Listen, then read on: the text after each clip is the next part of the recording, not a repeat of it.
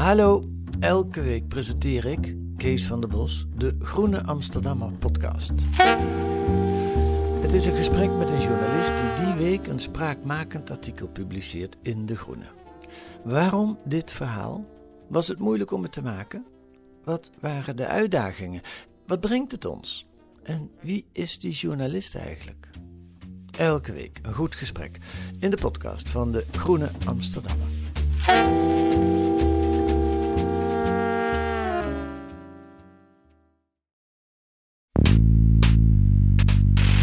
Guten Abend, meine Damen und Herren. Die angeblichen Hitler-Tagebücher sind nach Überzeugung amtlicher Experten eine Fälschung. Die Fachleute des Bundesarchivs in Koblenz, des Bundeskriminalamtes und der Bundesanstalt für Materialprüfung haben sieben der insgesamt 60 Bände untersucht, mit denen das Magazin Stern weltweit Wirbel machte. Dit is Betrouwbare Bronnen met Jaap Jansen.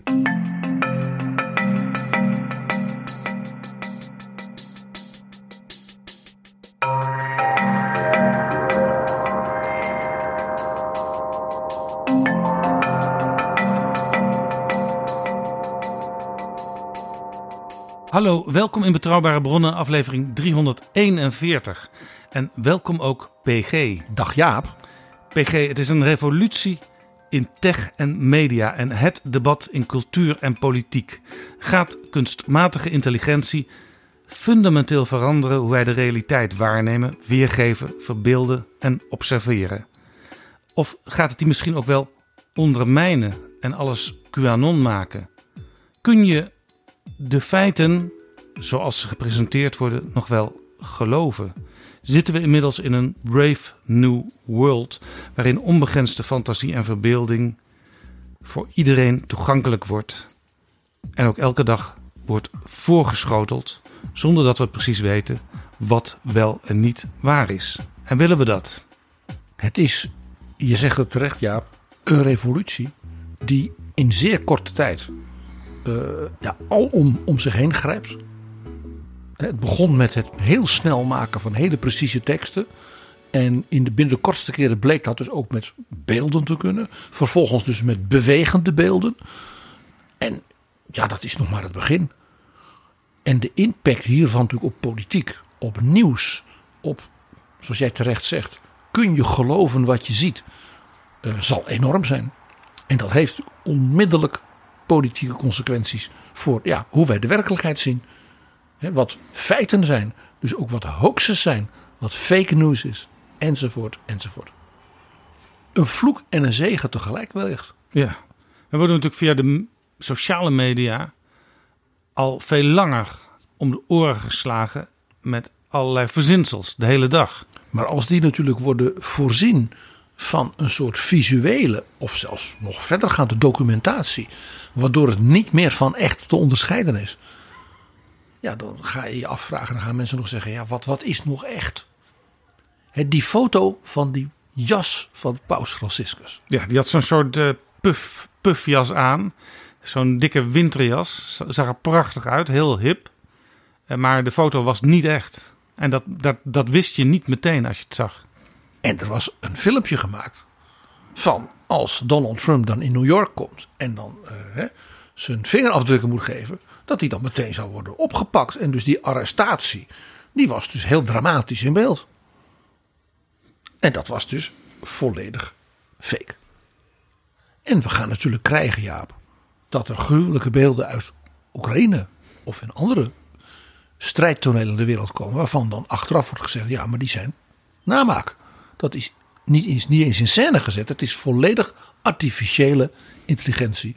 Dus het is volledig kunstmatige, dus, dus namaak originaliteit.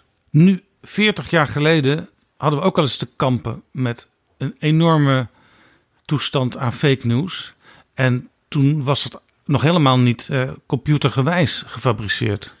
Nee, het is, het is heel opmerkelijk dat wat er precies deze dagen, 40 jaar geleden, gebeurde achteraf zeg je profetisch is voor deze tijd. Wat gebeurde er 40 jaar geleden? 40 jaar geleden werd gebracht en de term daarvoor was die jahrhundertsensation. Namelijk de publicatie van de verborgen gebleven, maar nu ineens ontdekte dagboeken van Adolf Hitler. 60 delen dagboeken die hij had bijgehouden tussen november 1932 en vlak voor zijn dood. En een heel serieus Duits weekblad presenteerde die dagboeken als de vondst van de eeuw. Als iets heel serieus. En een hele serie ook serieuze andere media in de wereld hadden van Stern en het Bertelsmann Verlaag, want dat was de eigenaar daarvan, dus rechten gekocht om dit in de hele wereld te presenteren. Denk aan Newsweek, Washington Post, The Sunday Times. En in Nederland het zeer serieuze weekblad Nieuwe Revue. En dat ongelofelijke verhaal over die dagboeken van Hitler. En misschien ook wel hoe wij daar nu, in de actualiteit van nu, nog meer ja, ons erbij kunnen bepalen 40 jaar later. Lessen daarvan trekken. Daar wou ik het met jou over hebben, Jaap. Maar eerst, PG, zijn er nog nieuwe vrienden van de show? Jazeker, die zijn er en we zijn weer heel blij met ze. Dus daarom een bijzonder woord van dank aan jou Bert en aan het duo Elsbeth en Louis. En er zijn ook nog losse donaties binnengekomen. Een heel stel van Wim, van Martijn, van Esa en van Kostas. We waarderen dat zeer. Wil jij ons ook helpen met een donatie? En als je dat systematisch wil gaan doen, bijvoorbeeld een klein bedrag per maand of een bedrag per jaar, dan word je zelfs vriend van de show. Ga dan naar vriendvandeshow.nl slash bb en we zijn je eeuwig dankbaar. Dit is Betrouwbare Bronnen. Jaap Jansen en Pieter Gerrit Kroeger duiken in de politieke geschiedenis. PG, met kunstmatige intelligentie kun je heel veel interessante en mooie dingen doen, maar dus ook slechte dingen. Want ja, dat zit in de mens.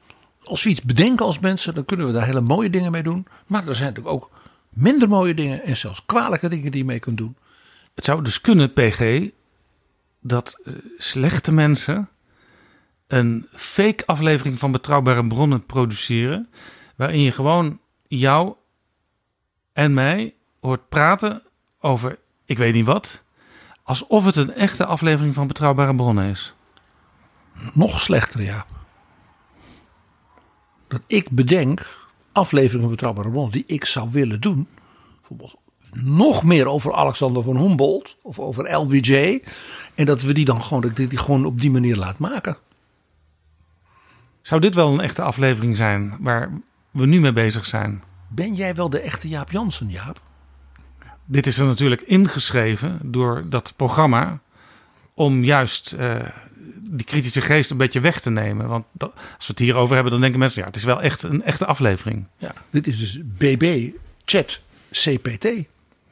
Maar het is wel een, een, een probleem tegelijkertijd ook, eh, dat fake nieuws. Eh, kabinetten en ook de Europese Commissie hebben het er al regelmatig over gehad. We zouden er iets aan moeten doen. Maar zodra een politicus dat roept, eh, komt ook meteen een enorme opstand. Uh, geen stijl bijvoorbeeld roept dan meteen, zie je wel, ze willen de vrijheid van meningsuiting verminderen. Ik heb ook al columns gelezen waar gelukkig aan het einde de columnist schrijft... Deze tekst heb ik grotendeels met ChatGPT gemaakt. Ik zal je eerlijk zeggen, een student heeft mij uh, laten zien hoe dit ongeveer werkt. En toen heeft hij gezegd, nou PG, wat wil je? En toen heb ik dus een, een, een brief bedacht van uh, president Biden aan Mark Rutte. En die kwam echt gewoon zo keurig eruit. Dear Prime Minister. En dat was perfect. Ja, ik heb zelf en toen ook... heb ik zelfs een speech zitten bedenken. Ik geef het eerlijk toe. Ik heb een aantal hele ondeugende speeches bedacht. Onder andere, en dan stop ik verder. Wat voor speech zou nou Obama houden als Donald Trump overlijdt? En daar kwam dus een keurige speech uit. Van we hebben onze verschillen gehad, maar hij was toch een president en het is toch een moment voor Amerika. Het was echt zo'n speech alsof een speechschrijver die zou hebben bedacht. Ja, ik heb ook een paar dingen uitgeprobeerd en toen zag ik al snel dat het nog in de kinderschoenen staat. Want als je naar hele openbare uh, onderwerpen vraagt om daar iets mee te doen, ja, dan komt er echt wel een coherent verhaal uit. Uh, maar als ik bijvoorbeeld iets van jou combineer met iets anders, dan uh, vindt de kunstmatige intelligentie toch al heel ingewikkeld om daar iets leesbaars van te maken. Het is Maar- wel leesbaar, maar als je het echt hardop leest, dan blijkt er eigenlijk onzin te staan. Maar misschien een eh, initiatief wetsvoorstel voor beperking van stikstof kun je wel als opdragen al inmiddels.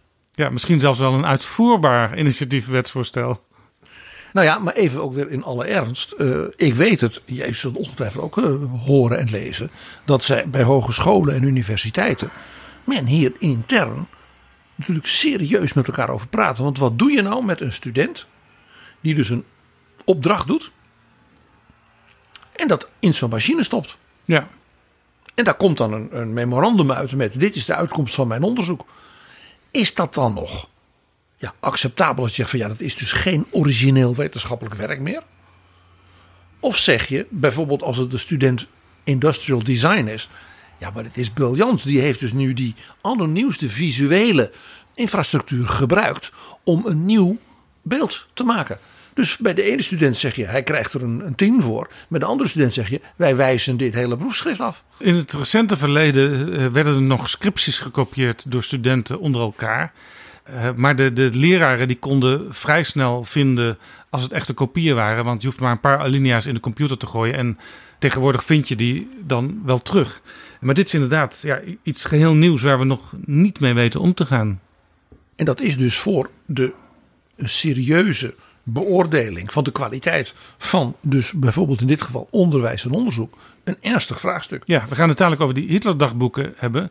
Maar het is natuurlijk in de geschiedenis wel vaker gebeurd dat er, dat er echt hele uh, valse documenten waren die door sommigen echt serieus werden genomen. En Jaap, daar heb ik een voorbeeld van van minder dan 100 jaar oud. En dat is een document en dat is gemaakt door de geheime dienst van de tsaren in Moskou. Die heette toen de Ochrana. Wat later dan de CK werd de NKVD en uiteindelijk de KGB en nu de FSB. Ja, dus, dus zeg maar de communistische geheime dienst. Dat is eigenlijk gewoon een, een voortzetting van die tsarendienst. Ja, want ook in de tsarentijd was er ook meer dan één geheime dienst die ook elkaar beloerden. En deze waar we het over hebben, dat is de Ochrana. De Ochrana. En die had bedacht dat er een document gemaakt zou worden. Uh, en dat was dus onderdeel van het destabiliseren van andere landen in Europa. En onderdeel van de bewuste antisemitische campagnes van dus die geheime dienst en ook van het Tsarenregime. En men heeft dus rond 1900 een, een soort verslag gemaakt van een geheime conferentie. Die zou zijn gehouden ergens in Europa van zeg maar, de belangrijkste uh, vertegenwoordigers van de Joodse gemeenschap. Een soort World Economic Forum. Ja, een soort Davos, maar dan speciaal voor Joden.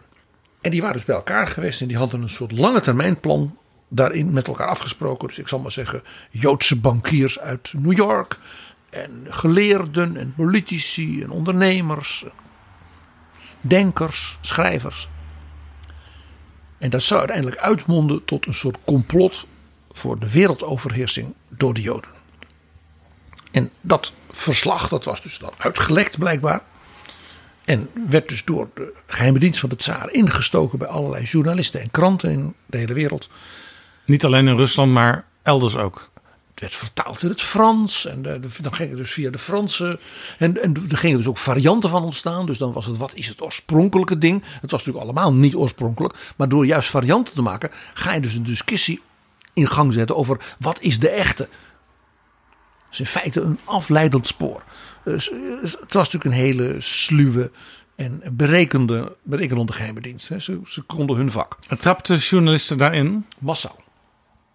En dat werd genoemd de protocollen van de wijzen van Sion. Klinkt ook gewoon goed, hè? Iets waar overigens nu bijvoorbeeld op Twitter nog best wel vaak naar verwezen wordt. Het is rond 1900 gepubliceerd. Het heeft golven gehad van dat het dan weer ze een discrediet was. Maar dan kwam het ineens weer, kwam het weer boven.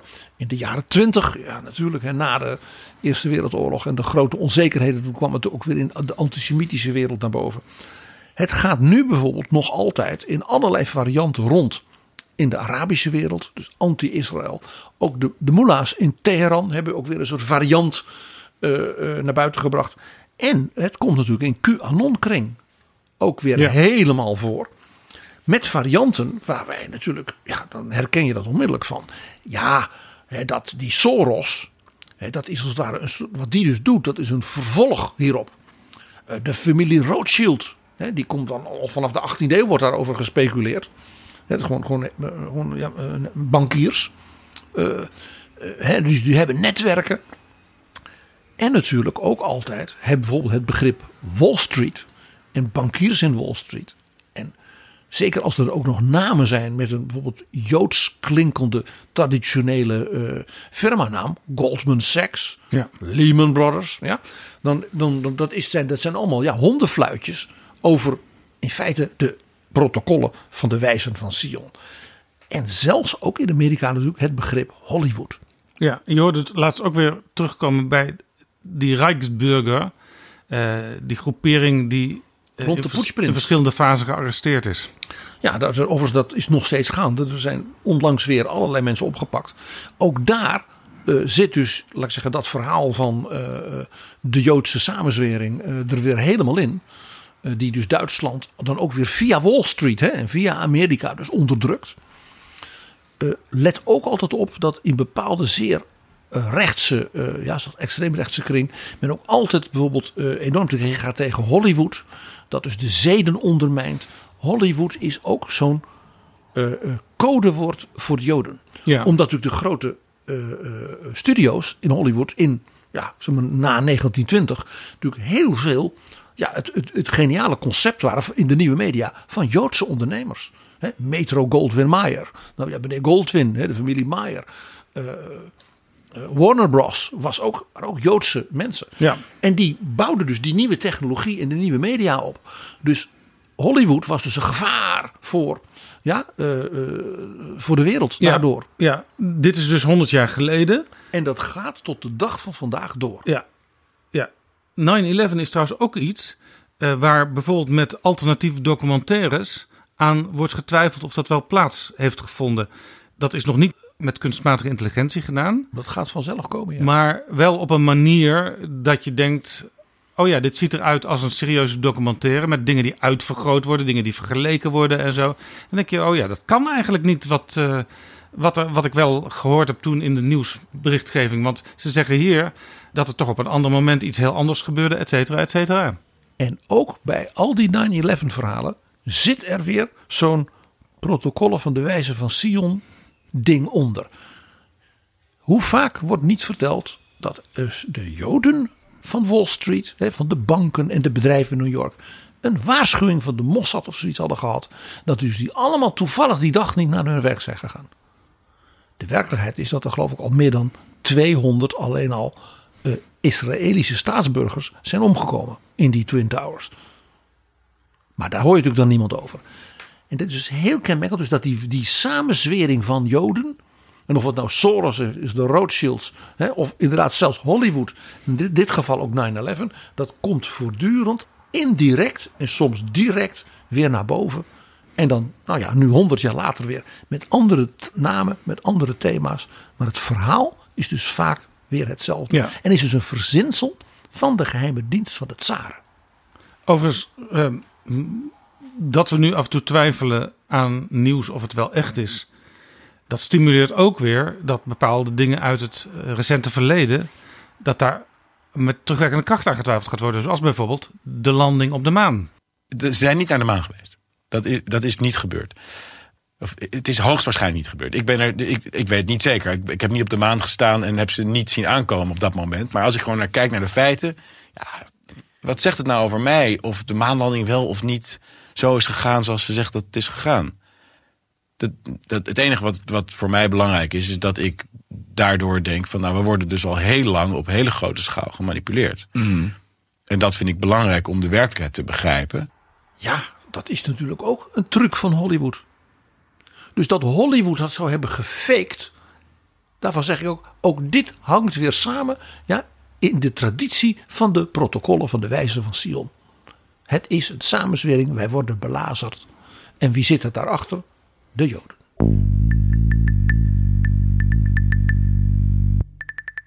PG, laten we eens gaan kijken naar het hoofdonderwerp van deze aflevering. 40 jaar geleden het weekblad Stern presenteerde 60 dagboeken van Adolf Hitler. Een persconferentie gehouden waarbij de journalist Gert Heideman liet zien: alstublieft, hier zijn ze de grote historische sensatie. Het document waar als het ware, nou ja, niemand van wist dat het bestond. allereerst. En het, is, er- en het was bijna helemaal compleet. En het waren 60 mappen, verzegeld. Met daarop een eh, rode adelaar. Dus het, was allemaal, het zag er allemaal perfect uit.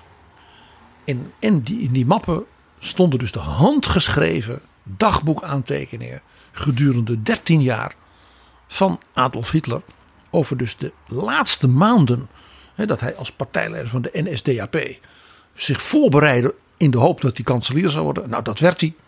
En dan de 12 jaar daarna van het duizendjarig rijk. Gert Heideman, journalist van Stern, die was aan die dagboeken gekomen. Eh, Stern was een, een, een groot weekblad, het grootste opinieweekblad van de Bondsrepubliek. Heideman werkte daar. Al heel lang als onderzoeksjournalist. Ja. En juist ook in zeg maar, het ontdekken en opsporen van bijzondere eh, documenten uit het verleden. Dat was een beetje, en zeker ook uit het Derde Rijk, dat was zijn specialisme. Interessant detail. Hij was niet echt een schrijver. Maar alles wat hij boven water haalde, dat werd verwerkt door mensen aan het bureau.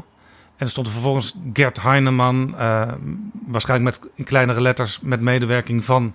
Dat waren dan de mensen die het goed op hadden geschreven, stond erbij. Maar die man was wel een serieus journalist voor een serieus medium. Zeker. En eh, eh, Stern was dus een groot en een, een invloedrijk weekblad. En het was niet alleen maar Stern, want dat bleek ook meteen. Hier was al twee jaar aan gewerkt, dus door Heideman en een paar vertrouwelingen. Maar die werden volledig gedekt door zeg maar, de zakelijke leiding van zowel Stern als van de meerderheidsaandeelhouder, namelijk Bertelsmann Verlaag. Ja, dat is een hele grote uitgeverij die nog steeds een, een dominante uitgever is in Duitsland. En wereldwijd ook inmiddels. En dat was hij dus toen al. Ja, zijn onder andere eigenaar van RTL. En de grote baas van Bertelsmann, meneer Moon, was dus een van de weinigen die in vertrouwen was genomen. En had, ja, als het ware, een soort eh plein pouvoir aan Heidemann gegeven. Hoe kwam Heideman aan die stukken, aan die dagboeken? Hij vertelde dat hij op het spoor was gekomen dat een generaal van de Stasi, van de DDR, hè, die toen nog in volle glorie bestond, Ja, 1983. een broer had in West-Duitsland.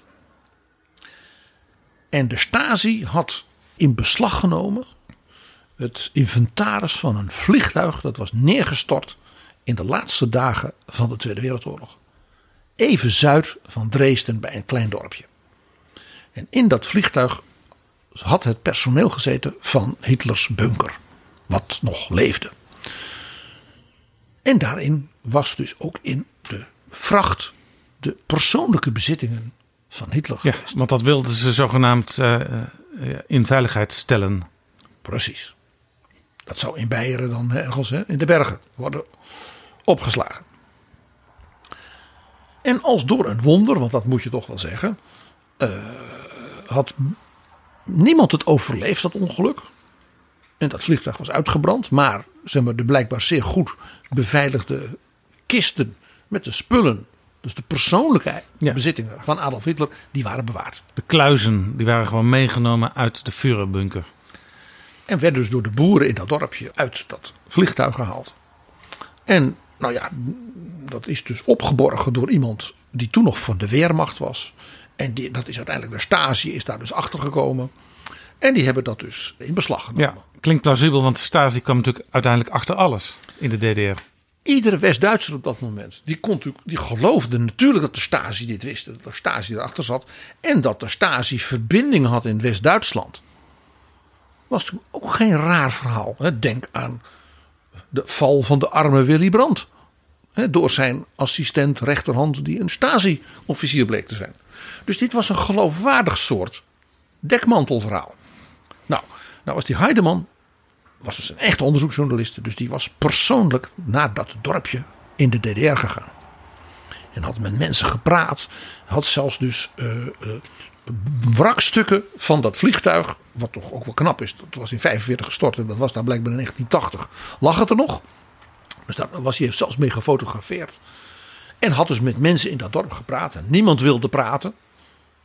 Wat in de DDR niet zo gek is, dat mensen in een boerendorp Nee, niet een, nee. met westerse journalisten wilden praten. Maar dat was natuurlijk allemaal een bewijs van het feit dat, dit dus, eh, dat hier een groot geheim zat. Hij was er dus in geslaagd om eh, via ja, de verbinding met die Stasi-generaal en diens broer.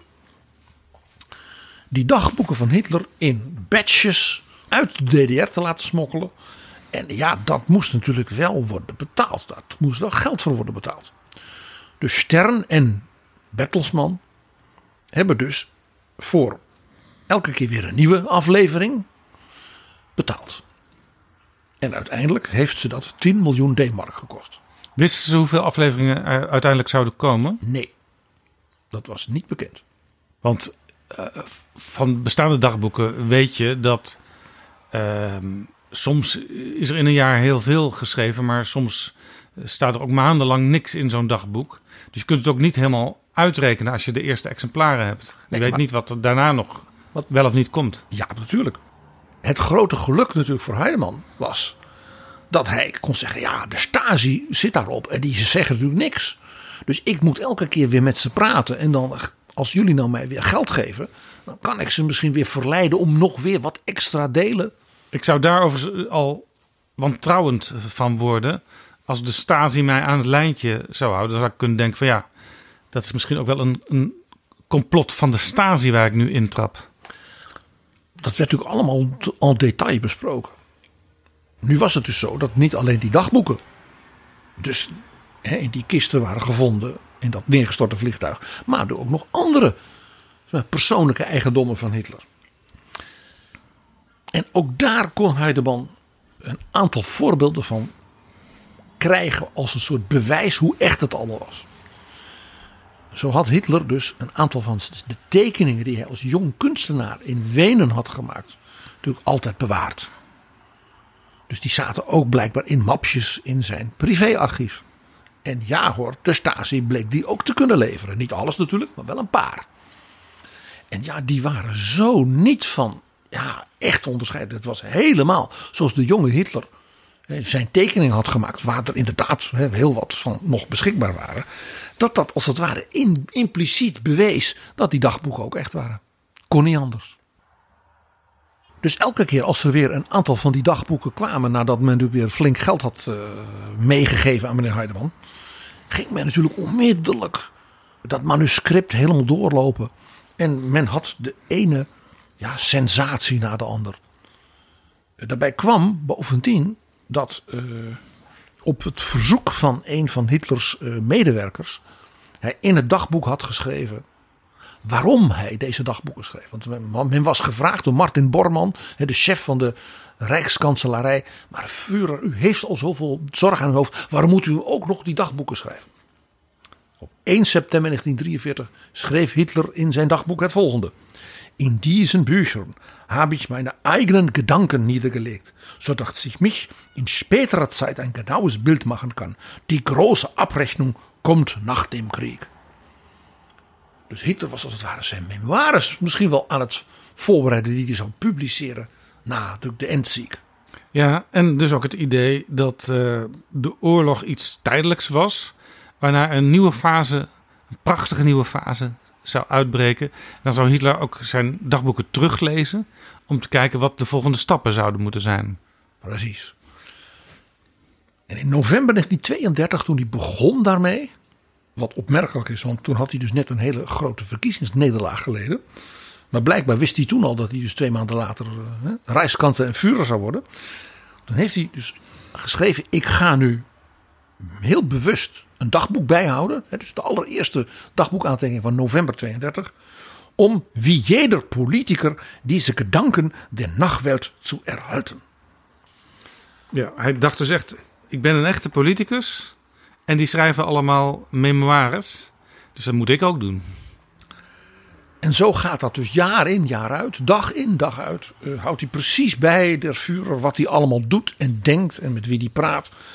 En de allerlaatste aantekening is in een bijna onleesbaar handschrift van 16 april 1945. Dus zit hij al in de bunker.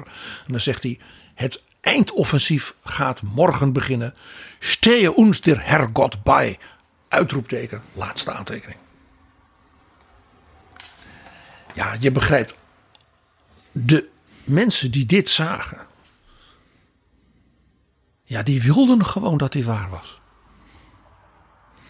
Dus Wat stond- een sensatie. Wat een scoop. wat voor man kwam er uit die dagboeken naar voren? Ja, dat was een beetje merkwaardig. Het was niet de schreeuwende man van de, van de, van, van de toespraken die we natuurlijk nog kennen. Dus niet, hij schreef niet alles in boegstaben. Nee, Eh, maar het was ook niet de, de persoonlijke Hitler die wij natuurlijk kennen van heel veel mensen in zijn omgeving. De zeer charmante, Weense, eh, eh, warme persoonlijkheid. Want dat is afschuwelijk om te zeggen. Maar iedereen, de secretaresses, de medewerkers, zeiden allemaal... hij was zo charmant en hij was... Het was een echte Wener. Eh, Die kunstenaar, zal ik maar zeggen, die Weense charmeur... kwam je ook niet tegen. Die dagboeken die lieten twee dingen zien. Ten eerste dat heel veel wat als zeg maar de veronderstellingen en het wetenschappelijk onderzoek van de periode sinds 45 had laten zien, dus het beeld van Hitler de politicus, dat daar heel veel dingen ja, toch opnieuw moesten worden bekeken. Want als Hitler zelf dus dit schrijft in zijn dagboek, ja, dan moeten we toch eens heel anders naar dingen gaan kijken. En de andere kant, hij was zo saai. Het was eigenlijk elke dag van, nou je bijna zoiets van, eh, eh, vanmorgen heb ik die brief geschreven en ik heb vanmiddag met die gepraat. Alsof het Jaap een soort wat saaie agenda was. Dus het was daardoor een wat, ja, hoe zal ik het zeggen, een soort heel dubbel beeld. Dus aan de ene kant, zeg maar, politiek historisch vrij sensationele inzichten, gecombineerd met die wat saaie, bijna noteren, vandaag gebeurde er dit en eh, ik heb met die gepraat en toen heb ik dat gelezen. Die dagboeken die werden ook officieel gepresenteerd op een persconferentie. Ja, eh, kijk, het begon natuurlijk te lekken op een bepaald moment. Er werd natuurlijk aangekondigd dat er een persconferentie zou komen van Stern. Waarbij dus ook de originelen zou worden getoond aan de wereldpers. En natuurlijk de, eh, de media in de wereld die de eh, rechten hadden gekocht. Die gingen natuurlijk allemaal hun eigen moment, allemaal tweede helft april 83 eh, met elkaar afgestemd brengen. En ja, dat moest natuurlijk wel eh, zo zijn dat de, eh, de wereldpers en ook de lezers natuurlijk overtuigd waren dat wat hier gebracht werd, eh, ja, dat daar geen twijfel aan mogelijk was. En dat dit inderdaad, zoals de grote baas van Bertelsmann, meneer Moon, zei, die jaarhonderdsensation zou zijn. Ja, ik heb hier de nieuwe revue van 13 mei 1983. Daar staat op de voorpagina exclusief voor Nederland Hitlers dagboek. Met een, met een jou aanstarende Adolf Hitler in zwart-wit voor een rode achtergrond. En ook nog een klein stukje in de hoek van het originele, tussen aanhalingstekens, handschrift van Adolf Hitler in het dagboek. De Sunday Times was een van de kranten die heel veel hadden betaald. Die waren toen net eigendom van de heer Rupert Murdoch. En dus dit was zijn eerste grote klapper, scoop als de nieuwe eigenaar. En ja, die hadden wel iets heel bijzonders voor elkaar gekregen. Die hadden namelijk een van de beroemdste Britse historici en eh, ook biograaf van Hitler, dus een groot kenner van Adolf Hitler, Hugh Trevor Roper, bereid gevonden te kijken naar de documenten. En die zei: Dit is echt. Dit, dit materiaal, dat komt echt van de Führer. I am now satisfied that the documents are authentic. That the history of their wanderings since 1945 is true. And that the standard accounts of Hitler's writing habits, of his personality, and even perhaps of some public events may in consequence have to be revised. Ja, want er was dus al jaren een gerucht dat Hitler dagboeken had nagelaten. En wat zei dus professor Trevor Roper? Niet alleen dat hij zei: Ik vind die documenten authentic. Maar zelfs dat het verhaal over wat er mee, mee gebeurd was sinds dus ja, dat neerstorten van dat vliegtuig, dat dat klopte. Ja, ik bedoel, dan heb je zo'n autoriteit. Dus dat was natuurlijk voor Rupert Murdoch en zijn krant natuurlijk een geweldige scoop. En kort daarna was dan de, nou ja, de hele wereldpers ging natuurlijk naar Hamburg voor de persconferentie van Stern, waar dus Gert Heideman de originelen zou laten zien. En Stern natuurlijk ook zijn eerste editie zou uitbrengen, gewijd aan de dagboeken van Hitler. Persconferentie op 25 april 1983. In Nederland was toen het eerste kabinet Lubbers aan de macht. Heideman bracht natuurlijk het ding ja, met een enorm aplomb. Hij liet dus, had in zijn handen hield hij dus die, die, die, die mappen vast met dus die rode adelaar erop, met die verzegeling. Hè, zodat niemand het kon lezen behalve de Führer zelf. En ja, het was echt. Kon niet anders. Da waren sie endlich, wenn auch in gebührlicher Entfernung, die angeblichen Hitler-Tagebücher. Der Stern präsentierte, begleitet von internationalem Auftrieb, etwa ein Dutzend der insgesamt 60 Tagebuchhefte mit den umstrittenen Aufzeichnungen. Zweifeln an der Echtheit des Materials trat das Blatt so entgegen. Mit Schriftgutachten, einer chemischen Papieranalyse, Gutachten zur Altersbestimmung des Papiers durch einen Fachmann des Bundesarchivs in Koblenz und Stellungnahmen von international anerkannten Historikern. Ich möchte jetzt die Eingangsworte schließen und nur noch sagen, dass ich mich sehr gewundert habe über Ferndiagnosen auch so renommierter Leute wie Professor Jeckel. Wir, hätten wir uns als Journalisten die Arbeit so leicht gemacht, in der Tat, man hätte uns leichtfertigen Umgang mit den Materialien vorwerfen können. En ik zal je eerst zeggen, Jaap, ik heb onmiddellijk de volgende dag op het station twee exemplaren van Stern gekocht. Eén voor mezelf en één voor mijn vader, die namelijk de dag erop jarig was. En ik, wist, ik wist dat hij als historicus dit geweldig zou vinden. Nog los van een ander cadeautje, maar dit was helemaal geweldig. En ik zou het eerlijk zeggen, ik wist onmiddellijk dat het een vervalsing was. Want wat zag je op die omslag van Stern? Daar hadden ze natuurlijk als foto de, uh, de omslag van dus die dagboeken, dus die map. Ja. Dus met die uh, verzegeling, met dat rode adelaar. En de hoofdletters van de naam van de schrijver van dit dagboek, Adolf Hitler. Dus een mooie gotische hoofdletters, hè, zoals je dat in de Duitsland van die tijd nog had. De A en de H. Ja. Maar het was niet de A en de H. Degene die dit had gemaakt, had de verkeerde gotische hoofdletter gebruikt. Het was de F en de H. Ja, want die letters die, die zijn soms moeilijk van elkaar te onderscheiden. Dat zie ik ook wel als ik oude Duitse kranten zie. En hoe zou het nou toch kunnen dat die fout gemaakt zou zijn door de Führer?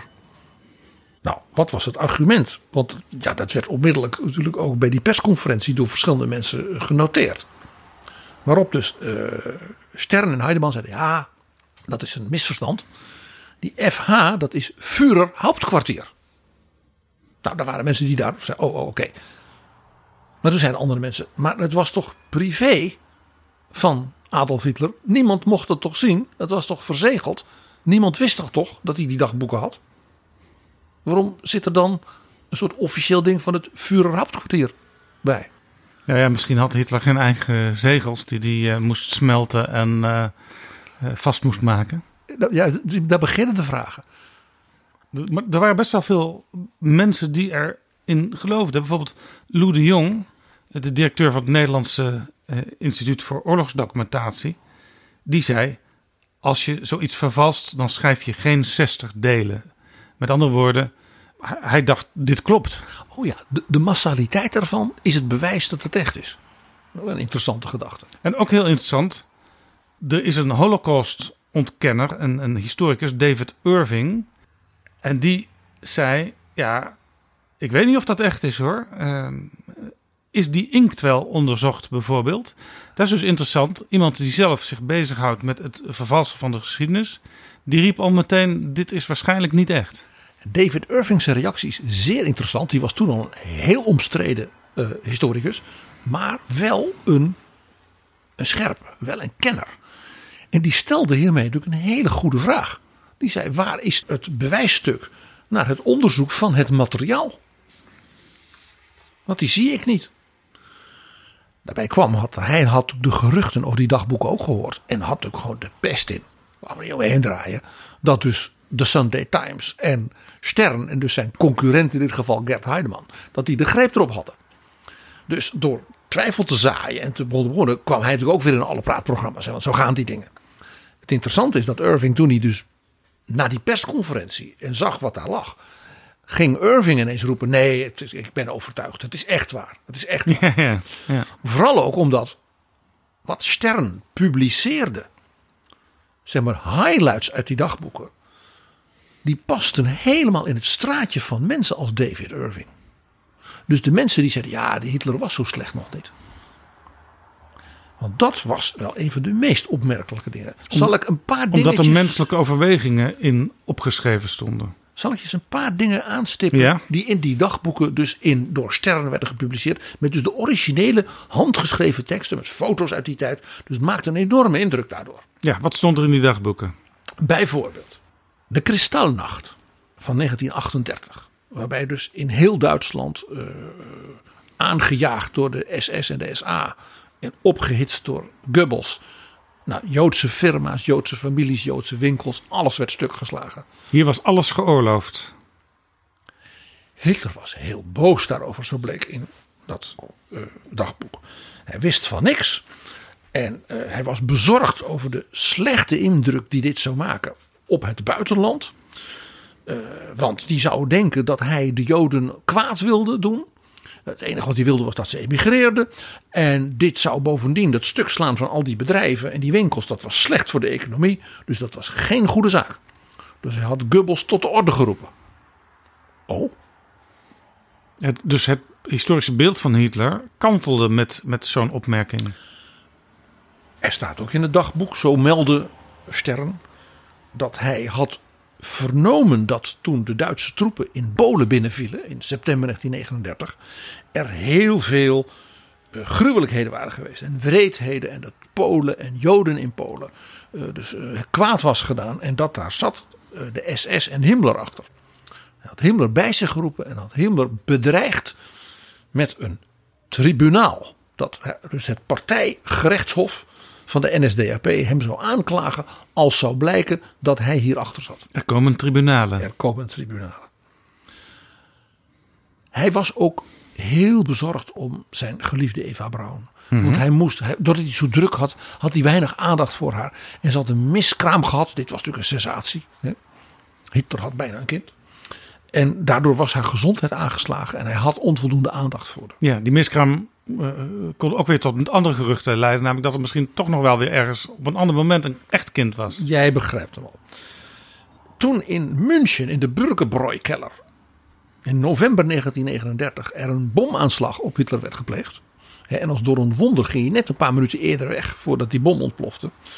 Verdacht hij Himmler en de SS ervan dat die daarachter zaten. Dat was een beetje een running gag dus in het dagboek dat, dat hij Himmler allerlei dingen kwalijk nam. Ja, eh, ook een running gag was eh, dat hij eh, voortdurend valse grapjes noteerde over hoe dom en ijdel Mussolini was. Daarentegen had hij een enorme bewondering voor Jozef Stalin. Nou ja, ja, je hoort het al. Dit zijn het soort dingen die als het ware de goedpraters van Adolf Hitler graag lazen in dat dagboek.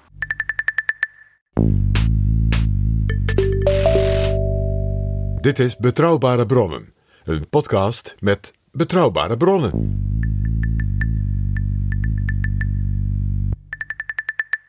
Op de redactie van Stern brak de pleuris uit. Want de redactie, dus de journalisten van dat weekblad, wisten zelf van niets. Nee, het was ook zo dat eh, de hoofdredactie, de uitgever, die waren pas in een laat stadium ermee bekend eh, dat ze dit in handen hadden. En dat dus die persconferentie zou worden gegeven. En dat dus dat exemplaar van die editie van Stern helemaal zou worden. Hè, omslag en alles. Want die Gert, Gewijd aan de takenbücher. want die Gert Heideman, die had vooral contact gehad met de bestuursvoorzitter van, van de uitgeverij. Ja. Want die moest ook voor het geld zorgen om die dingen aan te kunnen kopen. En dat geld dat moest natuurlijk geheim gehouden worden. Die 10 miljoen die dus blijkbaar naar die generaal van de Stasi ging uiteindelijk. Via die broer. Je moest natuurlijk niet vertellen eh, aan mensen in het West-Duitsland in 1982, 83. Ja, ik ben eh, de Stasi aan het spekken voor documenten. Nee, en bovendien als er ook maar ergens gefluisterd zou worden dat er Hitler-dagboeken aan zitten te komen. Ja, dan staat het de volgende dag overal in de krant en op radio en televisie is het te horen en te zien. Sowieso was het natuurlijk toch wel bijzonder dat de Bundesnachrichtendienst, dus zeg maar de AIVD van West-Duitsland, geen enkele blijkbaar eh, kennis had van dus deze miljoenen die naar die Stasi-generaal gingen via een van de beroemdste Duitse uitgevers en grote bladen. Ja, Dat is zelf ook wel interessant. werd dus wel degelijk gefaald op dat moment. Ja, dat, dat, dat- In meerdere opzichten. ja. Nou, na die persconferentie en natuurlijk de sensatie die het was in alle kranten in de hele wereld. En het was natuurlijk een triomf voor eh, Stern en voor Bertelsmann en eh, voor meneer Heideman. En, En ook dus voor de, de kranten van Rupert Murdoch. ja. Maar ja, toen gingen natuurlijk toch andere kranten die dachten, verdorie, wij hebben het niet.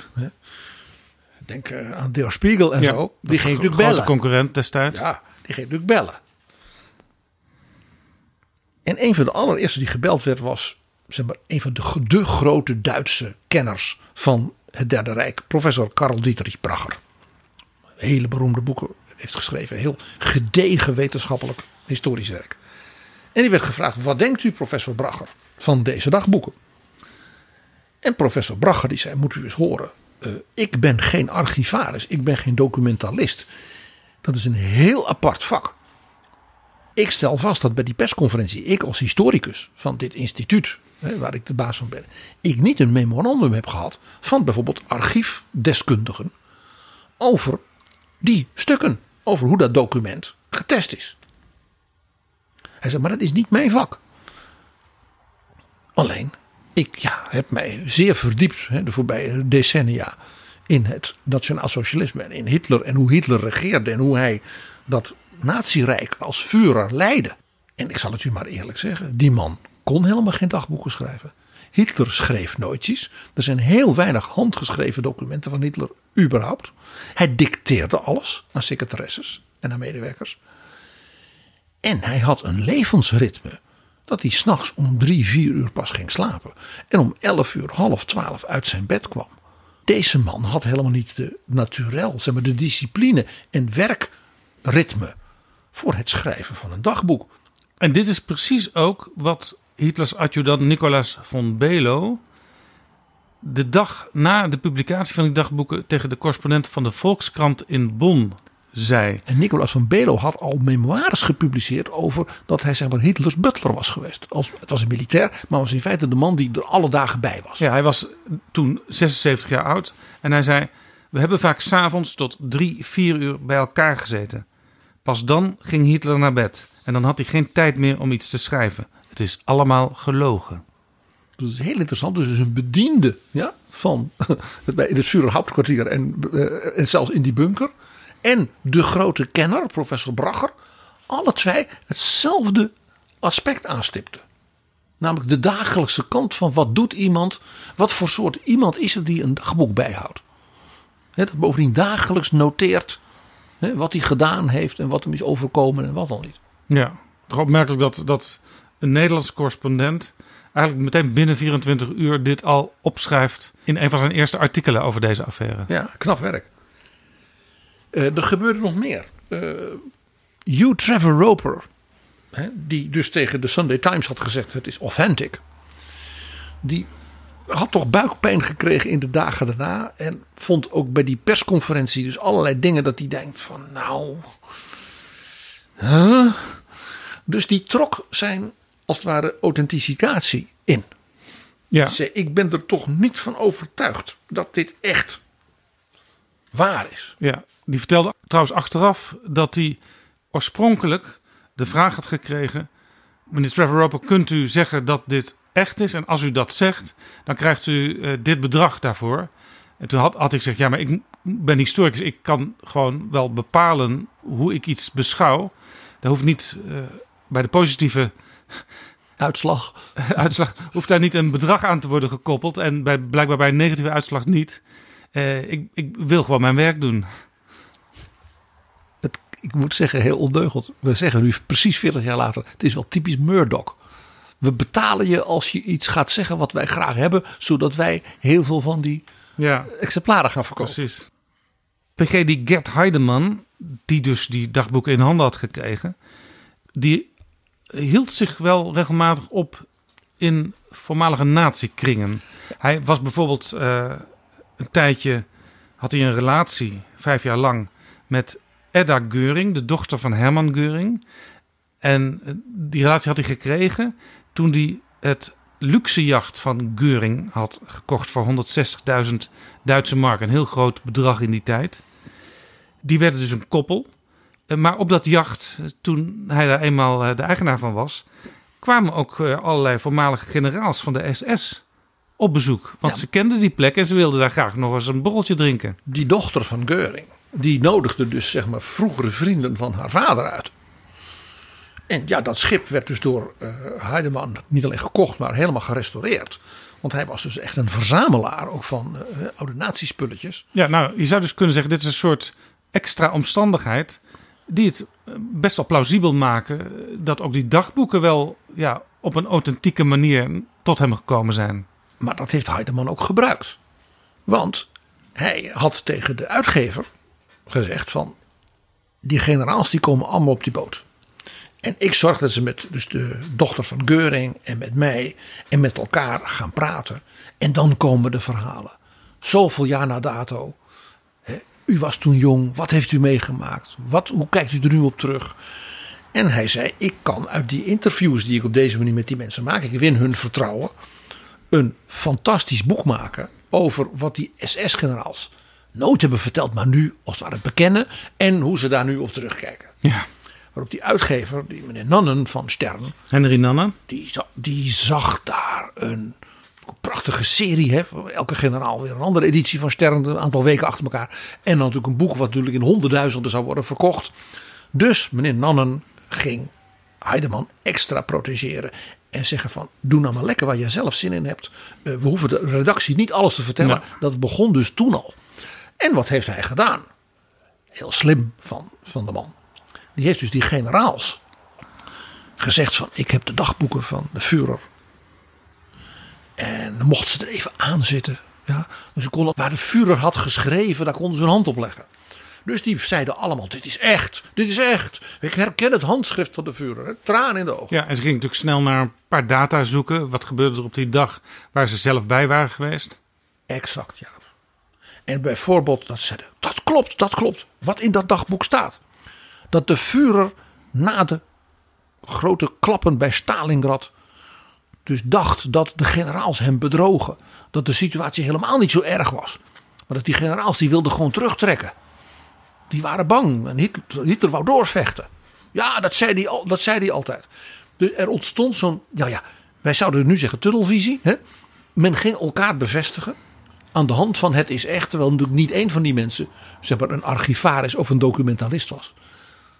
Dat gold natuurlijk ook voor Hugh Trevor Roper. Hugh Trevor Roper is natuurlijk heel onverstandig geweest als Brit. Om aan de hand van ik zeg maar, fotocopieën en dingen te zeggen van ja, dat lijkt me toch wel echt. Ja. Na die persconferentie en natuurlijk toch ja, wel hier en daar mensen dus hele openlijke vragen begonnen te stellen. Kon natuurlijk Stern er niet omheen om de documenten eh, te laten testen. En ja, waar moest dat gebeuren? Natuurlijk bij het Bundesarchief, Nationaal Archief in Bonn. ja, die hadden daar gespecialiseerde mensen voor. Want die deden dit natuurlijk met heel veel van dat soort documenten. Zeker Ja. ook uit de Dat stikte er nazi-tijd. natuurlijk van in die tijd in Duitsland. Precies. Dus het Bundesarchief.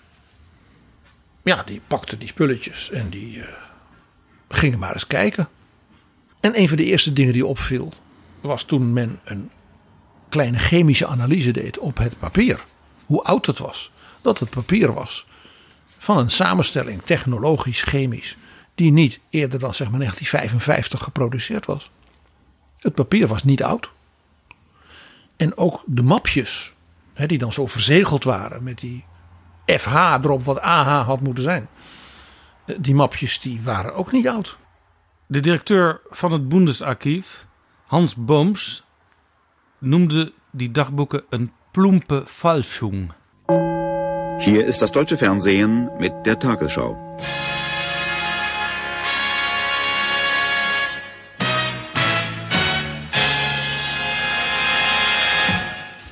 Guten Abend, meine Damen und Herren. Die angeblichen Hitler-Tagebücher sind nach Überzeugung amtlicher Experten eine Fälschung. Die Fachleute des Bundesarchivs in Koblenz, des Bundeskriminalamtes und der Bundesanstalt für Materialprüfung haben sieben der insgesamt 60 Bände untersucht, mit denen das Magazin Stern weltweit Wirbel machte. Das Urteil der Sachverständigen ist vernichtend. Sie sprechen von einer grotesk oberflächlichen Fälschung. Das Bundesinnenministerium stellt zusammenfassend fest, die angeblichen Tagebücher seien in der Nachkriegszeit hergestellt worden. Innenminister Zimmermann bedauerte, dass die Prüfung der Bände nicht schon vor der Veröffentlichung durch den Stern vorgenommen werden konnte. Das Magazin hat in seinen beiden letzten Nummern Auszüge abgedruckt und einen erbitterten Expertenstreit um die Echtheit ausgelöst. Das Blatt hat es bis heute abgelehnt, die Herkunft der 60 Bände offenzulegen. Zo maakt Duitsland kennis met de vervalsing via hun dagelijkse televisiejournaal de Tagesschau. En toen bondskanselier Helmut Kohl ervan op de hoogte werd gebracht dat dit gebeurde, zei hij: Dat is ja een ding. Dat gebeurde in de ministerraad, want het Bundesarchief viel rechtstreeks onder de minister van Binnenlandse Zaken. Dat was meneer Friedrich Zimmermann en die was van de Beierse CSU en hij was de nummer één minister van die partij in het kabinet Kohl. En die heeft toen het hem duidelijk werd dat het Bundesarchief eigenlijk binnen nou ja, 24 uur kon vaststellen dat het één grote vervalsing was, onmiddellijk het chefzagger gemaakt. Want ja, politiek blijft politiek. Wat was het politieke hiervan? Politieke aspect? Meneer Zimmerman en de Beierse CSU haten het blad Stern. Omdat het een linksblad was? Een linksblad, het was een populair blad, het was een groot en invloedrijk blad. Dus als je die hiermee helemaal kapot kan maken, dan ga je dat vooral natuurlijk niet nalaten te doen. En dan ga je als minister zelf zeggen: Ik doe de persconferentie. En dan mag daarna die expert van het Bundesarchief al detail vertellen wat voor een oplichters die mensen van Stern zijn. En dat is dus die opmerking van de historicus Helmut Kohl. Dat is ja een ding. Der Leiter des Bundesarchivs in Koblenz Bohms sprach von Hinweisen darauf, dass die, wie er sagte, Machwerke eher in der rechten Ecke entstanden seien. Mit Bohms und einem Chemiker vom Bundeskriminalamt sprach Wilfried Hommen. Herr Dr. Werner, an welchen Materialerscheinungen sind die Bücher als Fälschungen erkannt worden? Einmal an dem Papier, auf dem die Beschriftung an die, die Schrift äh, Hitlers angebracht worden ist, zum anderen äh, an dem Einband. Äh, es sind äh, Substanzen festgestellt worden in diesem Bereich, die äh, eindeutig äh, dafür sprechen, dass sie nach dem Krieg, was, wenn man vom Papier spricht, sogar erst 1955 auf dem Markt erschienen sind. Er was ook ontdekt dat die dagboeken eigenlijk helemaal volgens de lijn van de Duitse historicus Max Domarus geschreven waren. Uh, die had dikke boeken geschreven waarin van dag tot dag te vinden was uh, wat er allemaal gebeurde in Nazi-Duitsland en specifiek wat de Führer deed. Max Domarus had een indrukwekkende prestatie geleverd als zeg maar, archivaris, documentalist, historicus. Die had dus niet alleen al Hitlers toespraken en dergelijke helemaal in de juiste volgorde de teksten verzameld uh, tot een soort originele uh, publicatie, maar ook bijna een soort dag tot dag genoteerd wat Hitler deed, wanneer hij met welke minister sprak, wanneer hij bijvoorbeeld onderweg was naar Wenen en dus bijna een soort dagelijkse ja, verslag van wat deed nou Hitler de hele dag? Waarom ja. was dat nodig, Jaap? Hitler was natuurlijk helemaal geen, wij zouden zeggen, minister-president of politiek bestuurder. Hitler regeerde helemaal niet. Hitler was een kunstenaar. Hij ging om vier uur s'nachts naar bed en ging om half twaalf kwam hij zijn bed weer uit. Hitler schreef nooit iets. Nee, wat... Hitler besliste niet aan de hand van bijvoorbeeld nee. documenten. En wat bleek nou? Als er in die dagboeken dagen voorbij gingen zonder dat er iets geschreven werd, dan had ook in dat boek van Domarus uh, bij die dagen niks gestaan. En in Domarus zaten ook wel een aantal, bleek later, historische fouten. Die door nieuw onderzoek konden worden rechtgezet. Maar die fouten die kwamen gewoon terug in die dagboeken. Ja, dus dat archief keek dus niet alleen naar de chemische samenstelling van het papier. Maar keek ook natuurlijk naar de inhoudelijke dingen. Klopt het nou?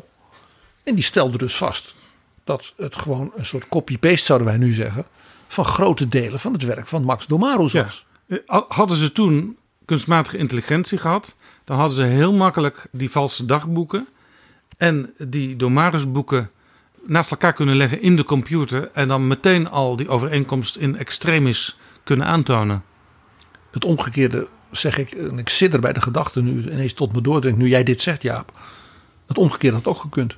Namelijk dat je dus Domarus omkat via artificial intelligence, zodat het lijkt alsof het allemaal klopt, door nog net een paar dingen erin te wijzigen, waardoor het niet helemaal Domarus is.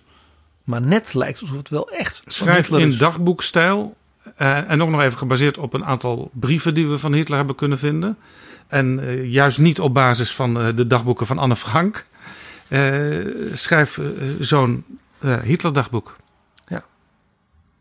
Dus het Bundesarchief noemde het een plumpe Fälschung. Ze zeiden, wa- wat ons vooral opvalt, is hoe slordig het is gegaan. Ja, en toen ontstond natuurlijk een, een golf van, hebben die mensen bij Stern dat allemaal gewoon maar laten gebeuren? Heeft er dan niemand gecontroleerd? Hoe zit dat dan met dat verhaal van die Stasi-generaal? Die 10 miljoen D-mark eh, inmiddels eh, zeg maar in de achterzak zou hebben gestoken. Bestaat die Stasi-generaal wel? Af en toe hoor je in betrouwbare bronnen een advertentie, maar vaak ook niet. En dat is jammer, want we hebben graag meer adverteerders. Want ook daarmee houden we betrouwbare bronnen online. En als jij nou werkt bij een organisatie of een bedrijf waarvoor het misschien best nuttig kan zijn om bij ons te adverteren, neem dan contact op. En je bereikt via betrouwbare bronnen heel veel jonge mensen. Met grote maatschappelijke politieke belangstelling. En natuurlijk de decision makers van Nederland en in Brussel. Stuur een mailtje aan adverteren.daganacht.nl en dan neemt de reclameafdeling van Betrouwbare Bronnen, ja ja, neemt dan contact met je op. Adverteren,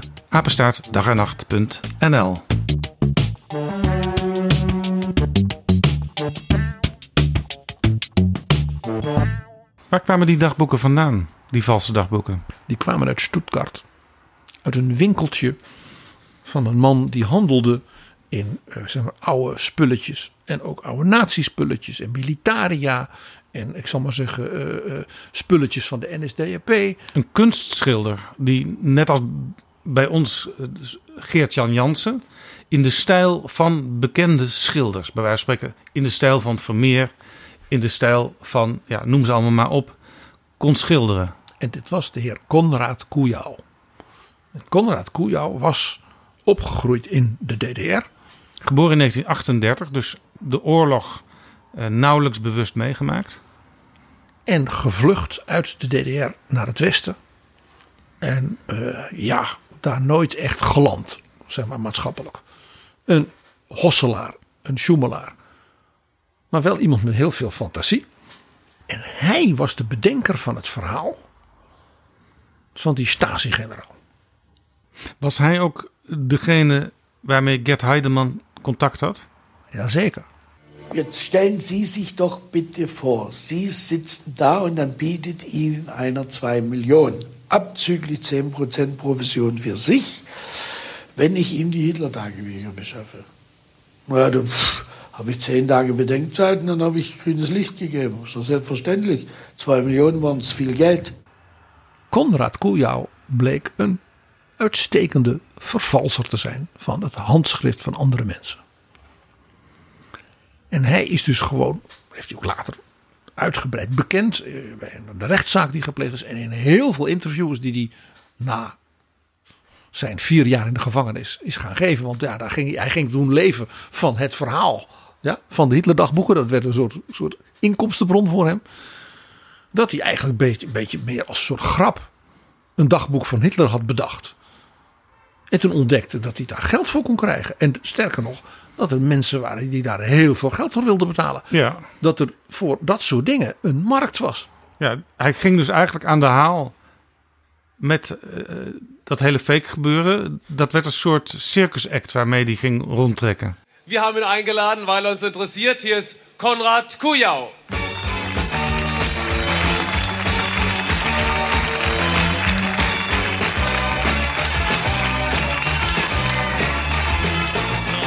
So, guten Abend, herzlich willkommen. Herr Kujau, ich komme ein bisschen so rüber mit meinem Mikrofon. Äh, nun sitzen Sie hier auf dem Holzbänkchen. Äh, fühlen Sie sich so ein bisschen auf dem Arm-Sünderbänkchen? Als was sehen Sie sich eigentlich? Viele haben ja gesagt, also das ist eine tolle Leistung, was der gemacht hat. Die anderen haben gesagt, so ein Sausack, der hat einfach beschissen. Wie sehen Sie sich? Ja, schon so. Äh, ich habe schon etwas beschissen. Aber es hat auch viel, viel Freude gemacht. Da. es, vor allem, äh, wenn man äh, die großen Experten mal richtig aufs Kreuz legen kann. Und das macht wirklich die beste Freude. Je kon dus bij Konrad Kujau een tekening van Hitler bestellen als verjaardagscadeau voor mensen. En ja, in, we hebben het dus nu over de jaren tachtig van de vorige eeuw. Uh, er waren dus heel veel mensen in die tijd van, ik zal maar zeggen, tussen de nou, 60 en 80. Die als het ware nog wel goede herinneringen hadden aan die grote tijd van de Führer. Het maakt dus ook allemaal niet uit dat het fake was, want je, je kreeg toch weer iets van die fijne sfeer van toen terug. Winifred Wagner, de vrouw die de Bayreuther Festspielen had geleid in de tijd van Adolf Hitler. Weet je hoe die, als ze het gesprekken hadden over die grote tijd, en ze de naam Hitler dus niet wilde gebruiken publiekelijk. Hoe ze, wat ze dan zei? USA. Unser seliger Adolf. Ah. Onderschat niet dat er. Bijna heiligheid dus. Ja, onderschat niet dat er dus nog een heleboel mensen waren. die nog hele goede herinneringen hadden. Het is afschuwelijk om te zeggen, maar het is wel de werkelijkheid. He, die waren niet voor niks zo geïnteresseerd om op die boot van Gert Heideman mee te varen met de dochter van Geuring. En die Konrad Kujau die merkte dat daar geld in zat. Dus je kon bij hem bestellen. Hij kon ook de schilderijen van de jonge Hitler maken. Die tekeningen, die als bewijs van uh, dat die kist, hè, dat was neergestort met dat vliegtuig, met Hitlers eigen, zeg maar, nou ja, dingen nog uit zijn jeugd als jong tekenaar en kunstenaar. Die waren ook van Konrad Kujau. En daarvan hebben we gezegd, die, die zijn echt, die zijn echt. En dat bewees dus dat het dagboek ook echt was. Heeft Stern dit overleefd, deze affaire? Het blad bestaat nog steeds. Men heeft natuurlijk enorm schoon schip moeten houden. Daar kun je je iets bij voorstellen. Uh, en Stern heeft natuurlijk Heideman en Kujau natuurlijk aangeklaagd. Wegens ja, oplichting. Daar kun je je iets bij voorstellen. Ja, maar ze waren dus ook, uh, tenminste de, de, de bestuursvoorzitter van Stern, uh, die het geld steeds gaf. Die was dus ook wel in een soort psychose terechtgekomen van... dit is zo spannend, dit moeten we vooral geheim houden, ook op de eigen redactie. En Want we moeten voorkomen dit is het, dat Stasi-verhaal dat dat naar buiten komt. Het nieuws van de eeuw. Totaal. He, meneer Moon, de grote baas van Bertelsmann, die dat die jahrhundert sensatie noemde. En dat was eigenlijk de legitimatie voor alles wat ze daarna hebben gedaan.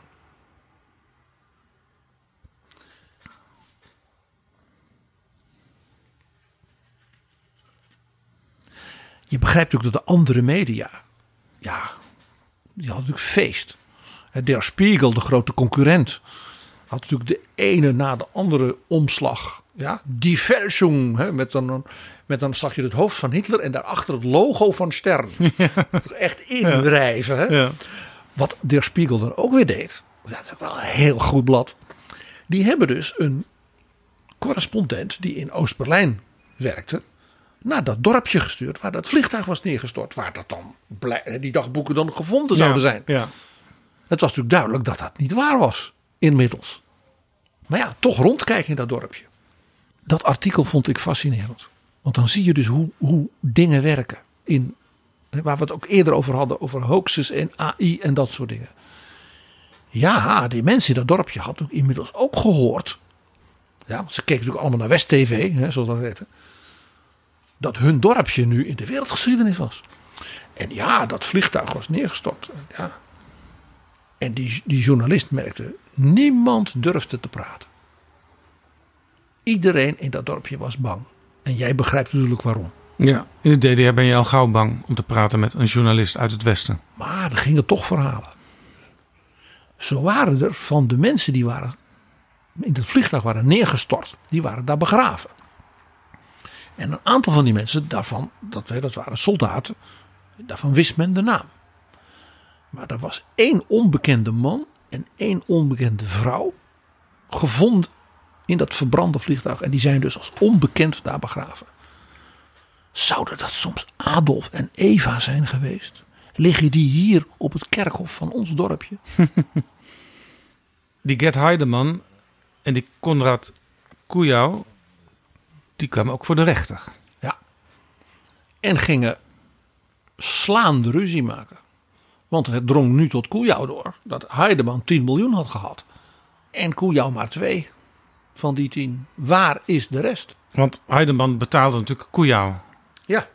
Maar dat bleek maar 20% te zijn van wat hij zelf had gekregen. Ja, die zogenaamde dagboeken die door de Stasi werden geleverd, die werden dus in een soort productiewerk door Koejau gemaakt. En Koejau ging dus ook steeds sneller produceren, want ja, uh, er ontstond toen druk op. En we moeten voorkomen dat de Stasi halverwege stopt. Dus we moeten ze nog meer betalen. Dan gaan ze sneller leveren. Dus Koejau moest, werd ook steeds slordiger. Er zit ook een raar soort tragiek in dit hele verhaal.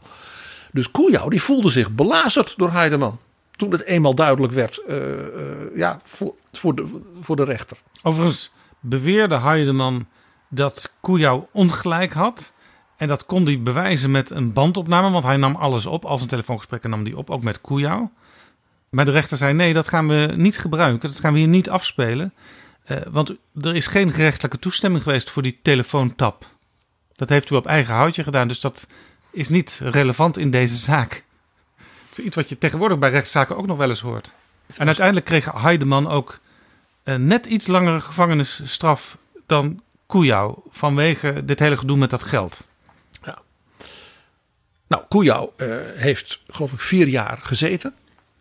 En werd daarna ja, een soort cultfiguur. En wat ik zelf wel, wel vrij hilarisch vind.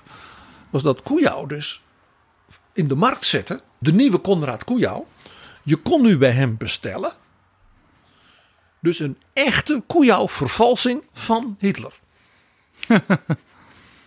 dus wilde jij voor de verjaardag van iemand een gelukwensbrief van Adolf Hitler.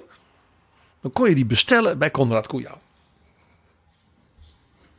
En hij heeft dus ook heel veel uh, interviews gegeven. En hij was natuurlijk een populaire gast in praatprogramma's.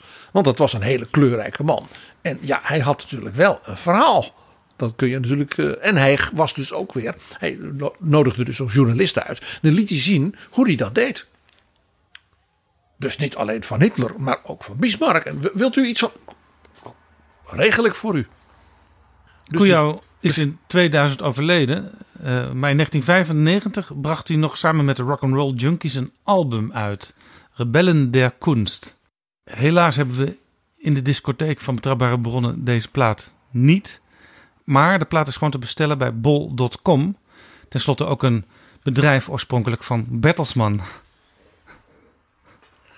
En Jaap, ik sla dit keer over om er een operafragment bij te bedenken dat zou passen bij deze dagboeken en dit deel van de Duitse geschiedenis. Je kunt ook te ver gaan, vind je niet? Dit is Betrouwbare Bronnen. PG, wat kunnen we hier nu van leren van deze episode 40 jaar geleden voor de huidige tijd van kunstmatige intelligentie? Nou, wat natuurlijk in dit hele verhaal er enorm uitspringt, is dat elke kritische blik verduisterd was doordat men droomde van die scoop der scoops en heel veel geld. Hier waren, hoe zal ik het zeggen, ijdelheid en hebzucht. twee van de grote hoofdzonden bij elkaar terechtgekomen. Ja, maar dus dat, kun je betekent, nooit helemaal voorkomen. Nee, maar dat betekent dus voor media nu dat je met dit soort nieuwe technologie dus in moet bouwen in, je, zeg maar, in de wijze waarop je dingen beoordeelt en checkt. Dat je die permanente kritische blik niet alleen af en toe doet of op het laatste moment, maar dat het ingebouwd zit in je organisatie. Want dat zag je dus bij Stern zo fout gaan. Die redactie die van niks wist. Want stel je voor dat ze erover zouden gaan praten. Hadden ze maar één of twee zeg maar, archivarissen, scherpe journalisten die op dat punt een soort second en third opinion hadden kunnen leveren. Ja. Hadden ze die maar ingeschakeld. En zo'n second opinion kun je dus ook, eh, zoals ik al eerder zei, met behulp van artificial intelligence plegen. Dus zorg ervoor dat in ieder geval als je zo'n scoop aan de hand hebt, dat de jongeren op je redactie, die vaak meer weten van deze nieuwe methode dan de ouderen, dat je die in ieder geval erbij betrekt van kijken jullie eens met een, een modern technologische blik naar deze dingen. En nog een ding. Dat is toch ook wel een klassieker. En die geldt dus voor Heideman en Koejau. En die zal dus ook nu weer gelden. Het verhaal van dat neergestorte vliegtuig. Bij dat dorpje. En die Stasi-generaal. Waardoor je dus niets kon controleren. En het allemaal geheim moest blijven om te voorkomen dat je gedoe kreeg. Hè, Zoals de Britten dat mooi zeggen. If it is too good to be true, it probably is not true. Waarom die, wat ik noem, tunnelvisie? Het moet wel waar zijn. Dat was omdat de mensen die hierover beslisten, die CEO's en dergelijke, in feite amateurs waren. Dit was helemaal hun vak niet. Zelfs de grote professor Karl Dietrich Bracher zei: Ja, ik ben geen documentalist en archivaris, maar ik zie dit. Deze mensen die wilden dat het waar was. Ja, ze hadden ook Deze meteen- dagboeken vertelden wat ze wilden horen. Ze hadden ook meteen naar het Bundesarchief kunnen gaan en van, van die expertise gebruik kunnen maken. Maar dat deden ze niet. En dan al die circumstantial evidence. Die SS-generaals die aan boord van dat schip zeiden: Ja, dit is de vuur. Dat zei hij ook altijd tegen mij.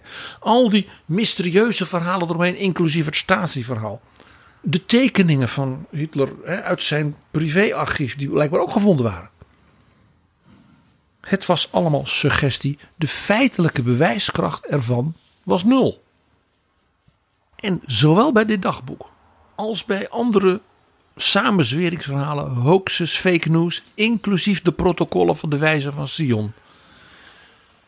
Wat geeft hen de kracht is dat ze een soort echte historische waarheid vertellen, die de officiële wetenschap en de ons niet willen vertellen. Er wordt je verteld wat je eigenlijk al dacht wat dat was.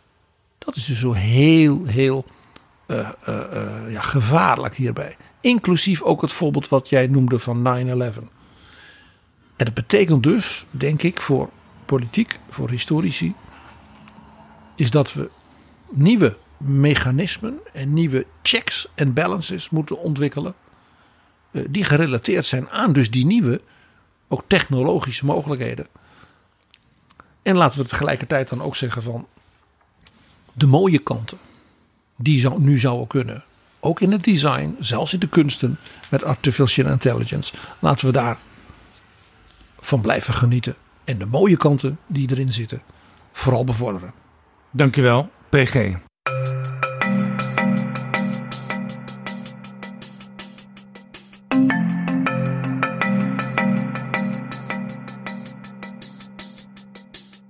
Zo, dit was Betrouwbare Bronnen, aflevering 341. Deze aflevering is mede mogelijk gemaakt door onze luisteraars... die met donaties nog veel meer mooie en interessante afleveringen mogelijk maken. Wil jij ons ook helpen? Ga dan naar vriendvandeshow.nl slash bb. U bent van harte welkom. Tot volgende keer. Betrouwbare bronnen wordt gemaakt door Jaap Jansen in samenwerking met dag en nacht.nl.